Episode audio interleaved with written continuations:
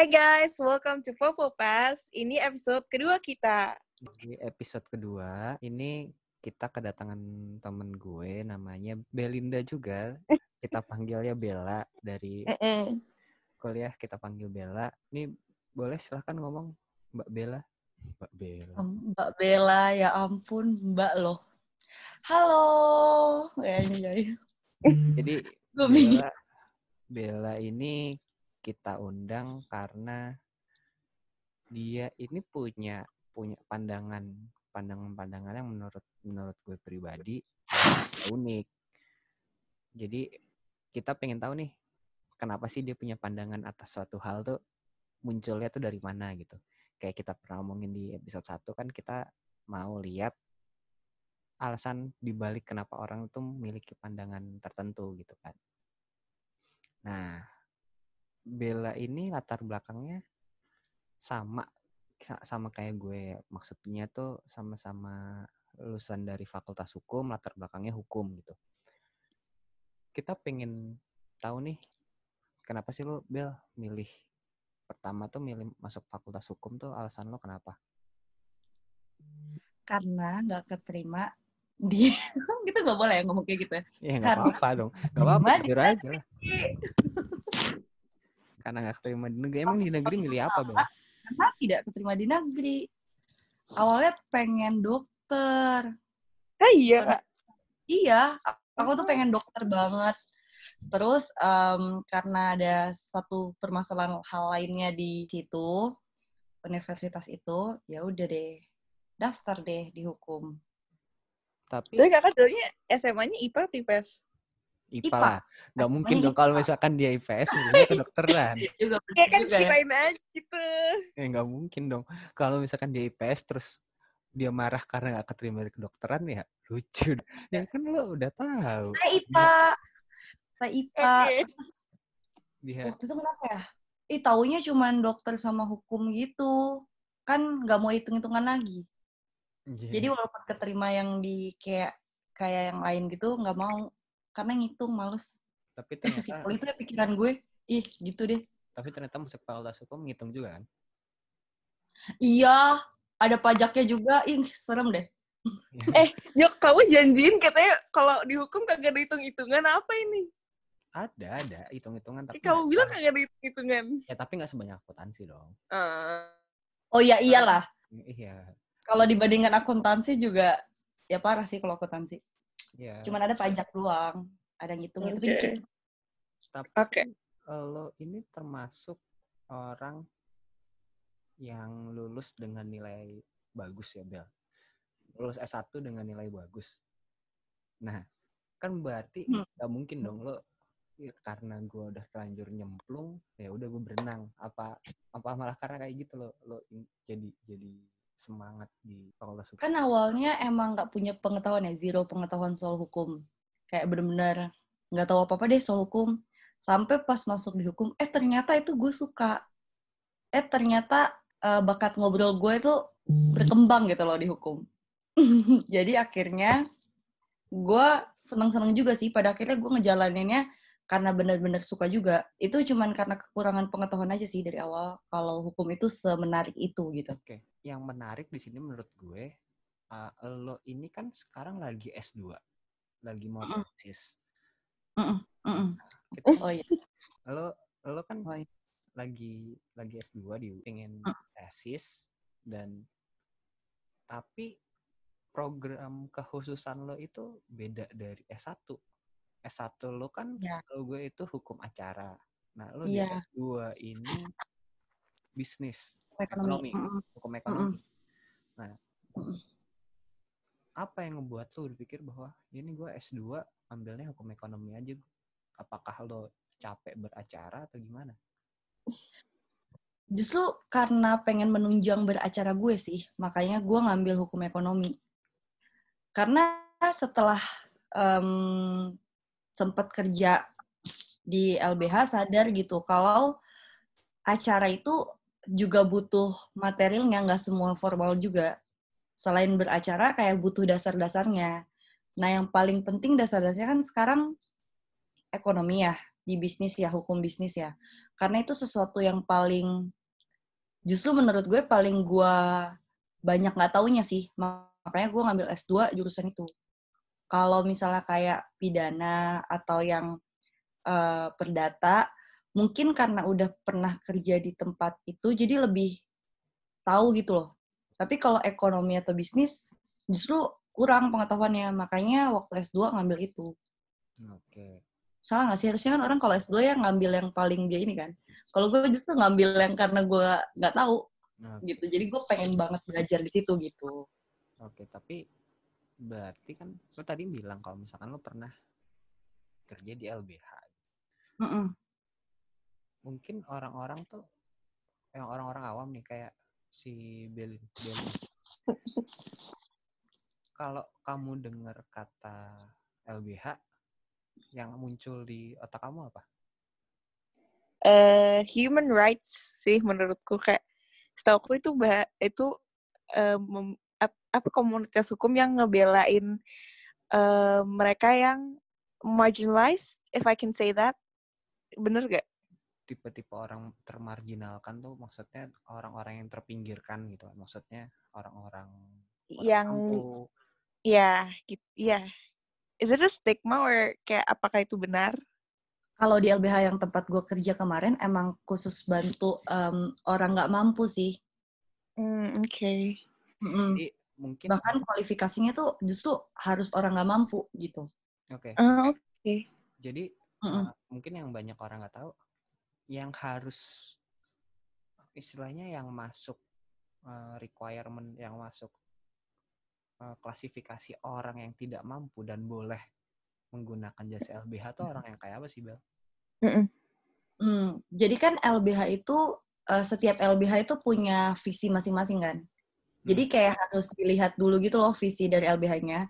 Ada LBH yang benar-benar ngebelain hak masyarakat kecil gitu. Jadi harus yang kayak Google, yang class action gimana ya?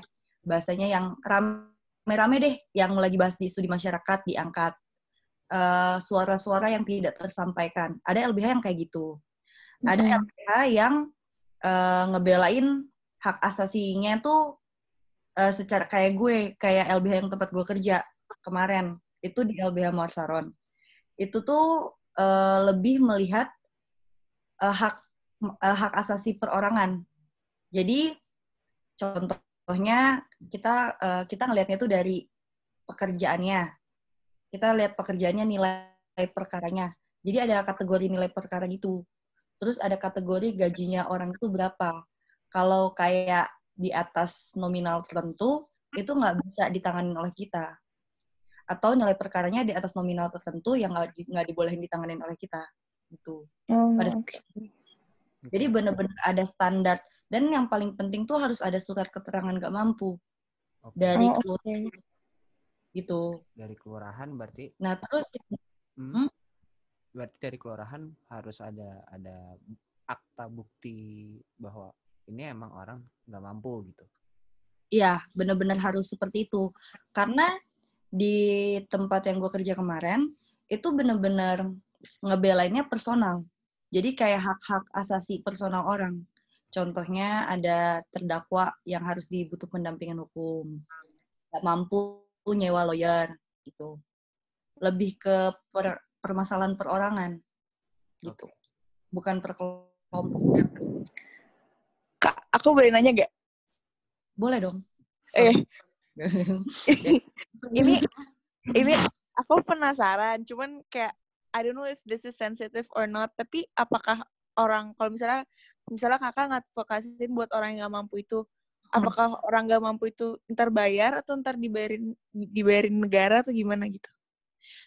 Kalau di tempat gue kerja kemarin itu hmm. nggak hmm. nggak keluar duit sama sekali justru, dan kita oh. boleh nerima duit sama sekali karena nanti uh, misalnya kan mereka ada perkara kan dari mereka, kita kan punya nama-namanya gitu. Nanti di, diajuin ke Kemenkumham, nanti duitnya tuh reimburse duit pengeluaran kita itu oh oke okay. oke okay. jadi negara benar-benar bantuin dari sisi keuangannya gitu jadi LBH itu dapat uangnya itu bukan dari fee jasa pengacara ya, tapi uh, Bukan. dibiayai oleh pemerintah kan. Dan Jadi dia- ada laporan itu tiap tahun atau tiap bulan atau lu nggak tahu? Buat laporan itu eh gue pernah eh, ikutan kayak bantuin ngelaporin gitu. Itu per tahun, cuman setiap kayak tiga bulan sekali orangnya tuh ngecek gitu loh. Eh ini perkaranya udah masuk berapa sejauh ini. Eh, jadi kayak harus ada perkara yang dicapai. Oh, Karena kan uangnya dari negara. Jadi tuh harus terpakai bener-bener ini loh, harus ada harus dipakai terserap, harus terserap seluruhnya gitu. Oke. Heeh. Oh, iya iya, oke oke. Orang yang menggunakan jasa LBH itu LBH itu lembaga bantuan hukum, ya. Ya. Kalau misalkan yang dengar nggak tahu, jadi itu benar-benar nggak ada biaya yang keluar yang sama sekali. Bahkan kalau misalkan uh, mereka harus ke pengadilan atau Mm-mm. tapi itu itu tidak dimasukkan ke dalam biaya yang dimintakan ke negara dong. Eh gimana maksudnya kalau mere- mereka sebagai korban gitu ke pengadilan? Kita biasanya tuh Anggaplah kayak mereka sebagai penggugat atau mereka sebagai tergugat gitu. Mm-mm. Kalau mereka mau ke pengadilan itu kan biaya masing-masing ya, karena Hmm. kan eh, nggak dibayarin oleh kita gitu-gitu kan, kan mereka nggak keluar duit sama sekali. Jadi kalau operasional perjalanan sih nggak. Cuman kalau nanti sampai di persidangan kita semua yang maju, dia tuh benar-benar nggak keluarin duit sepeser pun sih. Oke, kalau misalkan dia ini anggaplah dalam sebuah gua nggak tahu nih, apakah putusan hakim itu kan bisa aja menghukum dalam di sini artinya klien lo untuk bayar biaya perkara. Apakah itu karena lo sebagai LBH pas, pasti dibayarin sama negara atau enggak? Eh, kan kalau misalnya kita mau ngajuin gugatan nih, itu tuh kenapa ada yang nominal itu nilai perkara. Jadi saat nilai perkara kita di bawah berapa, itu tuh masuknya eh, semuanya ditanggung oleh negara Oke. Jadi- yang besar nilai perkara. Jadi kalau misalnya kan ada yang kayak menghukum terdakwa untuk membayar biaya perkara, itu udah tergugat dong. Nggak ditanggung tergugat. Ya kini udah ditanggung oleh negara. Oke. Tapi kalau nilai kerugian enggak ya? Hmm, Oh, gitu. kalau misalnya oh kalau nilai kerugian enggak ya berarti kalau misalkan kalah berarti nggak dibayar. Ya iya iya iya juga sih. Ya, enggak dong. dibayarin. Iya iya. Kalau kerugian enggak, tapi kalau yang kayak yang dibebankan oleh negara itu semuanya ditanggung oleh negara karena Oh. ada nominal perkaranya. Oke. Berarti lo ini udah nanganin kasus pidana, perdata, ketenaga kerjaan pernah? Iya, tanganin juga. Gue bingung deh. Eh, berarti kan lo har ini dilihat dari nilai gugatannya. Mm-mm. Kalau mis itu kan dari perdata ya. Kalau misalkan pidana, apakah ada batasan dalam artian, wah kalau misalkan ini terdakwanya terdakwa kasus narkoba mungkin, atau terdakwanya ini eh, ancaman hukumannya hukuman mati gitu, apakah itu ada batasan juga? Kalau di pidana eh, kita tuh ngelihat dari tapi ini dari LBH yang tempat gua kerja ya. Maksudnya setiap LBH lagi-lagi tuh punya kebijakan masing-masing gitu loh. Hmm. Kalau di LBH tempat gua kerja itu nggak boleh residivis. Jadi kasus yang itu nggak boleh tuh kalau residivis. Residivis itu udah dua kali masuk ya, Jadi dua dia kali sudah pernah di penjara, terus dulu. ditangkap lagi, mau Hmm. dipidanakan lagi itu nggak boleh, mm, kita nggak akan diterima. nggak akan diterima. Terus atau kasus-kasus yang korbannya perempuan dan anak. Oke. Kita nggak akan tanganin terdakwanya. Kita lebih tanganin ke korbannya.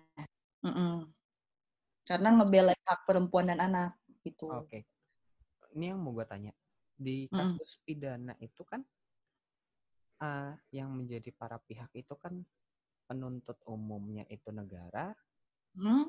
terus terdakwa. Tadi kalau misalkan lo bilang lo mendukung eh dalam artian lo ini mendampingi korban, nah, lo mendampingi sebagai apa di situ? Kan bukan sebagai karena sebagai saksi kan, artinya gini, gini kalau mereka itu korban, berarti kan mereka sebagai saksi korban. Nah, saksi korban ini kan udah ada LPSK, Lembaga Perlindungan Saksi dan Korban. Iya. Mm-mm. Lo ini dat datang untuk mendampingi korban itu sebagai sebagai apa Bel? Kita ikut juga ke yang LPSK tadi. Kalau misalnya kita jadi yang korban ya. Terus eh, kita lebih aktif ke penuntut umumnya untuk yang persidangannya dicepetin, untuk lebih kita yang bagian ke jaksanya, ke bagian cari tahu sidangnya, hasil sidangnya. Karena banyak korban-korban perempuan dan anak itu tuh nggak berani ke persidangan. Karena kan mereka biasanya ya kalau kasus yang gue tanganin tuh korban dan anak tuh kalau nggak KDRT, penganiayaan, pemerkosaan. Uh, jadi korban-korbannya itu nggak berani ke persidangan. Makanya kita bantuin untuk kita yang datang, kita uh, hadir di persidangan, mempre gue mau ngomong Presentasikan. ya benar sekali Oh, ribet Salah. sih. gitu kali ya malah jadi kebelibet ya merepresentasikan si korban ini. Terus kita bakal kasih tahu sidangnya. Kita yang bakal lebih aktif sih. Memang itu kesannya pasif tapi kita aktifnya ke berhubungan dengan jaksa ke LPSK-nya rehab rehab korban. Gitu. Intinya ngebantu korban dalam menjalani uh, masalah hukum ini ya berarti. Apalagi kalau misalkan uh, anak ini kan istilahnya kaum kaum marginal tadi yaitu wanita dan anak Mm-mm. itu kan menurut kita sendiri itu kan paling banyak mendapatkan kasus kekerasan. iya kasihan lagi Uh, kasihan kasus apa sih kalau misalkan kita boleh tahu kita nggak perlu nyebut nama lah kasus apa sih yang menurut yang ngebuat lo oh iya nih gue gue pengen terus tetap jadi istilahnya lawyer. orang yang ya istilahnya pengen jadi lawyer yang masih memegang teguh idealisme itu. Apa sih kasus-kasus apa sih? Kalau kasus anak ya. Apakah nggak sorry sorry. Hmm. apakah karena lo ini perempuan ngebuat lo jadi lebih eh, lebih ngerasa ini gue harus ngebantu mereka nih karena kita sesama perempuan apakah hal tersebut jadi salah satu faktor lo untuk tetap berkecimpung di dunia hukum? Em, kalau gue sih kalau alasan untuk tetap berkecimpung dari dunia hukum ya itu lebih ke karena lu udah ngelihat semua fakta itu dan oke lu tetap harus memperjuangkan ide ya gimana ya tetap harus idealis gitu kalau gue. Tapi kalau kasus apa nih yang bikin anak sama perempuan yang yang gue lihat tuh gila-gila nih gokil banget lah diginiin ya gitu. Itu tuh kasus anak tuh yang paling parah sih gue pemerkosaan ya. Pidana ya pidana ya. Mm-mm. anak-anak yang eh adalah kasus korbannya anak. korbannya anak. Pelakunya tuh opa-opa gitu loh 60-an tahun. Oh my 60 70 70 sumpah. Dan itu tuh bukan cuman satu jadi ngelakuinnya bukan cuman ke satu anak. Jadi anak ini tuh punya kakak adik kakak adiknya semua tuh kena gitu loh ternyata pas diusut. Terus ternyata satu komplek itu juga kena gitu loh anak-anaknya. Kan jijik ya maksudnya sedih gitu kan. Terus anak-anaknya segitu kasihan banget gitu loh kalau bukan cuman kasihan ya ketakutan nangis terus ada yang sampai nggak bisa ngomong. Ya, trauma dan lah. behaviornya dia trauma banget parah banget sih. Kalau ngeliat kasus anaknya tuh kayak gue sampai kayak nggak habis pikir gitu ada orang kayak gitu gitu Iya. perempuan juga sih perempuan sih KDRT kalau perempuan yang gue lihat kalau pidana parah sih Mm-mm. nggak banget jadi emang tuh Enggak, enggak. Gue gue pengen pengen nekanin bahwa kalau misalkan gue nggak tahu deh kan si- karena terdakwa yang yang jadi korban itu ada anak dan lebih dari satu otomatis itu kan berarti tindakannya si terdakwa tadi itu sebenarnya udah predator dong itu kasusnya pas waktu lo ngedampingin saksi dan korban Hmm. sampai mana lo maksudnya sampai tahap mana karena gue gua nggak tahu ya apakah dia itu dia Hmm. pakai lawyer nggak si opa-opa ini oke tapi dari LBH yang lain juga karena kan harus tetap ada didampingi Ya. kan lima Hmm. tahun didampingi hmm. nah kasus ini tuh sampai mana gue ngikutin ya Sampai putusan maksudnya put ya oke putusan pengadilan negeri apakah dia dia Kayak- banding atau enggak oh udah enggak Oh, Karena um, buktinya tuh udah segitunya, oke. segitunya juga gitu loh. Keterangan-keterangannya. Putusannya? Gue bersyukur, maksudnya kayak biasanya ya, biasanya kalau misalnya itu kasus yang predator kayak gitu, hakimnya biasanya cewek juga gitu loh. Mm-mm. Mungkin ada, at least majelis hakimnya tuh ada cewek. Jadi yang lebih ngerti gitu. Jadi ya dikasih putusan yang lumayan berat sih untuk ukuran orang yang eh, tua. melakukan itu gitu. Itu udah tua juga Mm-mm. gitu maksud maksud gue kan di situ eh, menarik ya nggak menarik sih ini ya bahaya juga bilang menarik. Maksud gue di situ kan kondisinya terdakwa sudah berumur tua. Kan kalau Mm-mm. kan pemerkosaan itu kan di atas lima tahun gitu. Maksudnya berat beratnya seberat apa? Lo ingat nggak berapa berapa tahun dia kenanya? Belasan deh kayaknya. Belasan. Belasan tapi gue lupa. Maksudnya bu- bukan belasan tinggi ya, bukan belasan kayak 19 gitu. Kayak belas, di bawah 15 deh kayak. Oke. Gue lupa deh. Tapi gue udah gak hafal gitu loh. Cuman yang kayak jadi diperhatikan gitu anaknya tuh behavior anaknya tuh kasihan banget. Iya. Kan didampingin gitu kan. Didampingin ke kayak buat rehab gitulah mentalnya. Itu anak karena udah pernah diperkosa. Jadi dia tuh ngelihat kucing aja, ngelihat kucing ya.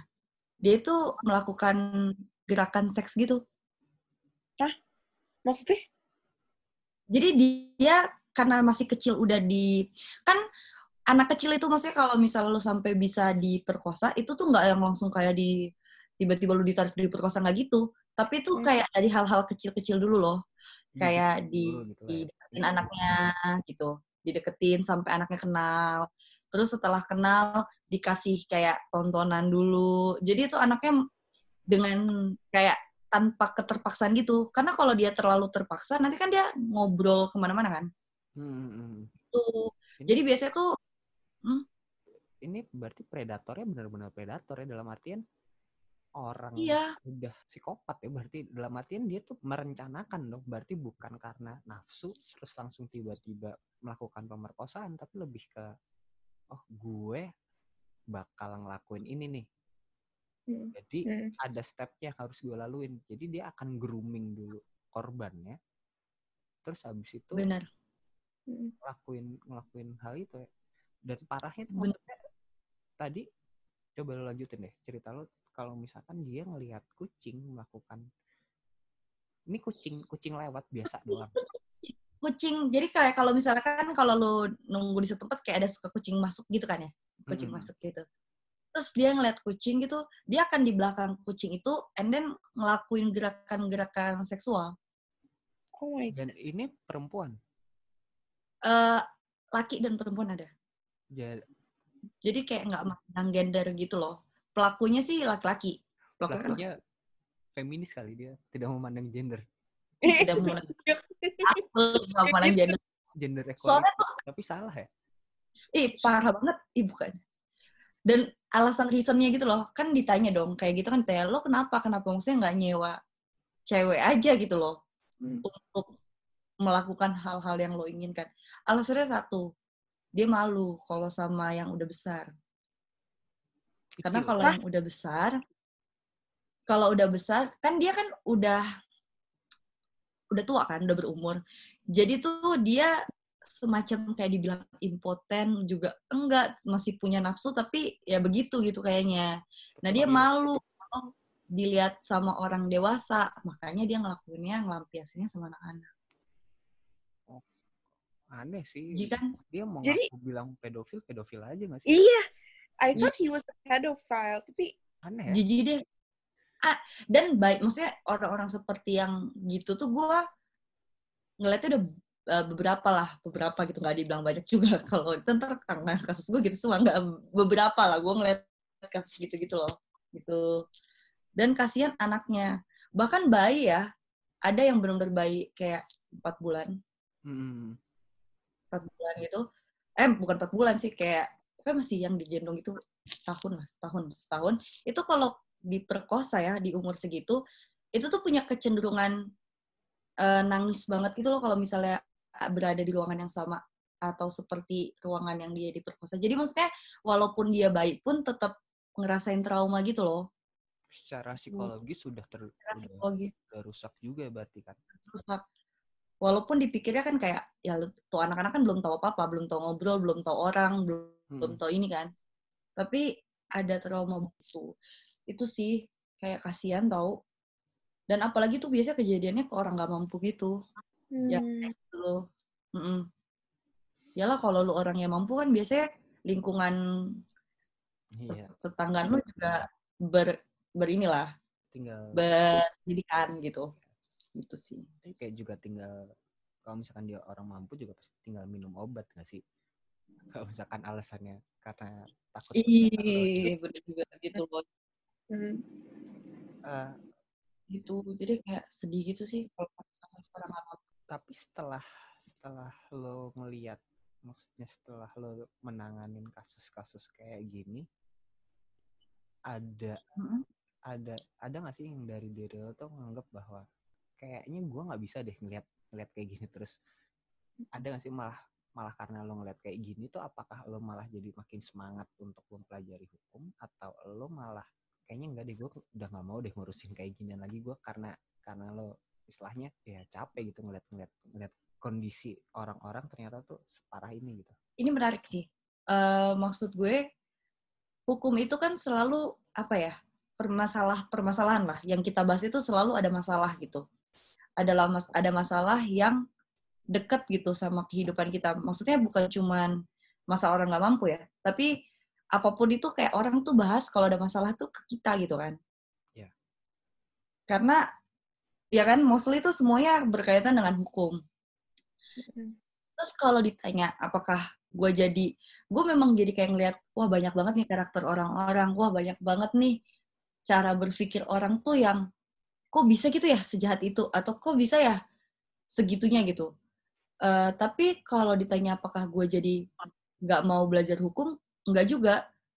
Justru tuh malah itu challenge gitu loh. Kayak challenge untuk eh, untuk explore hal-hal yang lebih sih. Kayak kalau misalnya ditanya hal-hal yang gue nggak tahu gue kan cari tahu lagi. Jadi ya kalau di gue sih malah makin ini ya gue harus makin tahu gitu loh. Hmm, Gitu. kalau di gue kalau di gue. Iya nah lo gi- gimana si Belin Hmm. Iya. Tapi Kak, pernah ya beli mas hukum Nggak, kamu Kayak- dengar kayak gini, ntar lo, kamu abis Hmm. dengar kayak gini, gimana? Apakah kamu malah jadi pengen, oh ya tetap akan masuk fakultas hukum atau? Iya, pengen sih Iya, karena bener. kayak jadi malah jadi kayak ternyata a lot of people needs help and if I can do something to help them by pelajarin hukum ya I'll do that. Karena ya it's aku dengar ceritanya Kabila tuh langsung kayak kok bisa ada orang iya pasti ad- ada but ini it's the first time aku ngedengerin secara langsung atau secara detail kayak gitu and if I can help dengan cara jadi pelajarin hukum ya I'll do that gitu. Oke. gitu sih. Tapi aku bingung aja Bella pernah kayak trauma gitu gak sih sampai kayak kayak ada kasus yang kayak gitu sampai I, aku nggak mau deal with this lagi gitu. Kalau dibilang eh, bukan trauma ya tapi kayak salah satu alasan gue pengen S2 tuh karena sadar. Kalau ternyata kalau misalnya kayak gue banyak kalau gue baru sadar kalau kalau kemampuan lu cuma segitu lu nggak bisa cukup banyak membantu orang lain juga. Kalau kemampuan lu tuh masih di bawah juga. Jadi kayak eh, kalau gue sih malah berpikirnya gue harus upgrade diri gue supaya gue bisa sebaik itu supaya dengan gue punya standar yang baik gitu gue bisa nolong orang lebih banyak. Waktu gue baru kerja gue sadar oh gue banyak nggak taunya nih oh gue banyak nggak bisanya nih. Gue harus cari tahu supaya makin dengan upgrade diri gue ya gitu makin banyak orang yang bisa gue bantu. Hmm. oke Kak Bella aku mau nanya. Hmm tanyalah Apa- sayang. menurut Kak Bella tuh hukum di Indonesia tuh udah cukup berpihak ke korban. Kayak masalah ada kasus pemerkosaan gitu apakah hukumnya udah berpihak ke korban? Kalau ditanya hukumnya sih kita sudah punya banyak aturan. Jadi bukan bermasalah di peraturannya tapi penegakan aturan dan kecenderungan orang untuk mengangkat kasus itu gitu loh. Hmm. Jadi banyak orang tuh em, untuk kasus-kasus bukan cuma masalah pemerkosaan ya, tapi kasus-kasus orang nggak mampu atau kasus-kasus ya eh, masyarakat gitu kayak suka ketutup sama isu-isu lain tuh yang kurang penting. Mm-mm. Ataupun isu-isu lain yang ya ditiban sama isu-isu lah gitu. Jadi kurang mendapat perhatian masyarakat sih kalau dari gue. Bukan peraturan yang nggak ada, peraturan mah ada gitu. Banyak mah banyak gitu kan. Penegakannya, eh, aparat-aparatnya, ya gitu sih. Pelaku-pelaku hukumnya yang kurang melakukan aturan yang udah ada gitu. Kalau gue. ya enforcing yang kurang baik gitu dalam artian maksudnya aturan untuk melindungi saksi dan korban itu udah ada cuma belum bisa belum bisa diterapkan dengan baik karena pelaku pelaku hukum itu sendiri kayak misalkan polisi gitu Mm-mm. banyak orang yang cerita bahwa korban pemerkosaan ketika mereka lapor ke kepolisian masih menjadi korban yang lebih parah lagi karena mungkin Benar. Blaming. pertanyaan-pertanyaan dari dari penyidik dari penyelidik mungkin malah malah membuat mereka lebih trauma gitu untuk jadi lebih takut untuk melakukan pelaporan ke polisi gitu kan Penegakan-penegakannya justru maksudnya kayak aparat-aparatnya itu loh yang yang kurang berpihak justru. jadi Hmm.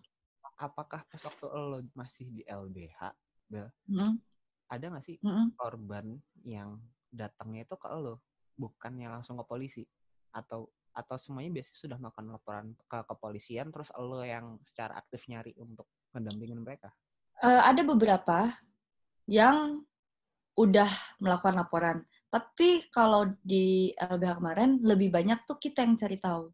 Kita yang nyamperin korbannya dan kita yang meyakinkan korban bahwa oh ini loh kita harus bisa melakukan laporan. Nanti kita temenin, nggak perlu takut. Nanti kalau ada pertanyaan-pertanyaan yang em, sekiranya itu tuh malah bikin lu makin parah lah atau gimana kita bisa ini loh diobrolin gitu-gitu. Nah itu kalau di kemarin sih kita yang banyak cari cari perkara yang masalah itu. Kita yang datengin korbannya untuk meyakinkan bahwa lu soalnya biasanya korbannya nggak mau ngelapor, ya benar kata lu sih nggak mau ngelapor karena malu lah, em, aib lah atau jadi perbincangan netizen gitu kan kayak terlalu banyak perbincangan gitu yang dia tuh nggak sanggup handle-nya. Nah makanya kita suka nyamperin korban bahwa itu hak lu loh iya. untuk mendapatkan ya keadilan. berarti karena budaya kita masih sering menyalahkan korban kita Iya. takut untuk buat laporan gitu kan. Iya. Kayak- kayak tadi misalkan dibilang ya itu kan karena aib. Padahal kalau misalnya dipikir-pikir kan itu aibnya pelaku dong. Pelaku yang iya melakukan pemerkosaan kan bukan korban. Korban itu jadi korban pemerkosaan karena dia tidak memberikan persetujuan. Mm-mm. Tapi saat itu maksudnya, apalagi kan yang kesal kena yang perempuan dan anak, itu tuh selalu disalahin adalah, oh ini perempuannya nih yang misal cabe gitu, atau anak-anaknya nggak diurusin oleh orang tuanya, dan itu selalu begitu gitu. Kayak em, apa ya? Stigma masyarakat itu malah bukannya kasihan ya. Kalau gue kan kasihan gitu ya. Kok kurang ajar banget nih pelaku banget gitu. Ya, tapi itu maksudnya eh, separah itu gitu pelakunya. Harusnya korbannya dong dibelain kayak ayo kita tolong bersama supaya ini mendapatkan kan pasti ada trauma pasti kayak hak-haknya diregut supaya dapat keadilan yang seadil-adilnya pelakunya bener-bener dimasukin ke penjara yang gitu gitu loh. Tapi ya gitu. masyarakat belum sadar itu sih. Iya, iya. Kak, kalau misalnya korban kayak gitu tuh dapat apa dibantu secara psikologis juga gak sih? kompensasi dari Iya, dari pemerintah. dari LPS Dibantu. Oh, oke. LPSK Iya. itu dibantu Ya, kalau misalnya sampai uh, dia LPSK kan di lembaga perlindungan saksi dan korban tuh tugasnya memang kayak gitu dulu. Setahu gue LPSK itu cuma ngebantu korban HAM besar kor- korban HAM berat. Tapi ke sini setahu gue LPSK itu juga ngebantu untuk korban-korban itu tadi kekerasan seksual, kekerasan pemerkosaan, KDRT itu LPSK ngebantu sampai dia ngedampingin di persidangan, ngedampingin sampai ke itu rehabilitasi. Heeh, jadi tapi gue nggak tahu ya penerapannya sudah sebaik apa sudah sebagus apa cuma adalah peran-peran pemerintah di situ tuh Hmm. emang tugasnya untuk melindungi korban-korban mungkin Kalau ditanya apa, kayaknya masih ini sih. Kalau gua kalau gua melihatnya belum ya, belum sebaik itu gitu. Maksudnya kayak kalau lu punya standar itu belum sebaik itu. Karena nggak bisa disalahin lagi ya. Kebanyakan sih yang gua tahu bahwa em, mereka tidak diberikan reward yang cukup juga dalam melakukan hal-hal yang begitu gitu. hmm, kompensasinya kurang kurang. cukup. Ya, padahal kan itu kan eh, maksudnya bukan ngedampingin hanya sebelum loh, sebelum dan pasca si eh, dan selama sidang, tapi pasca sidang pun tetap didampingin. ya harusnya idealnya seperti itu tapi kan kita tahu bahwa lo ngambil S2 berarti S2-nya hukum ekonomi berarti lo sebenarnya pengennya itu masuk ke corporate Mm-mm. Iya, benar-benar. berarti bisa dong kita anggap bahwa lo ini sebenarnya pengen cari duit dong habis setelah lulus S2 bukan pengen jadi aktivis lagi dalam artian uh, orang-orang yang membela hak-hak perempuan dan anak Benar. Karena karena simpelnya adalah gue di LBH, gue sadar gitu. Kalau gue masih segini, apa yang bisa gue bantu? Gue masih bisa membantu tuh sesedikit itu gitu loh. Kayak udah ada sistem yang gue nggak bisa, bukan cuma nggak bisa rubah ya, harus ikut di dalam sistem. Tapi kan untuk menjadi seseorang yang bisa membawa perubahan atau merubah sesuatu, ya lu harus ada duit dulu. Lu harus bisa dipandang dulu.